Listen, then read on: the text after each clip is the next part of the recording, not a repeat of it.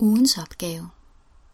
Det er en god idé at lave den her øvelse, den meditative øvelse, mindst et par gange, inden du går videre til næste modul.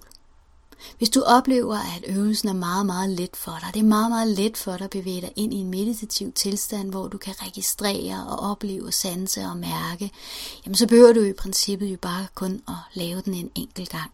Men hvis du synes, det er vanskeligt, jamen så er det en god idé at lave den hver dag de næste syv dage, inden du går i gang med næste modul. Hvis du synes, det her med at bevæge dig ind i en meditativ tilstand er enormt nemt, og har mere lyst til at lave nogle af de øvelser, som du har fået i tidligere moduler, så gør du selvfølgelig bare det. Så i denne her uge, kan man sige, står det der rimelig frit, om du har lyst til at gøre det ene eller det andet, alt efter hvad der passer bedst ind sådan i, i din dagligdag.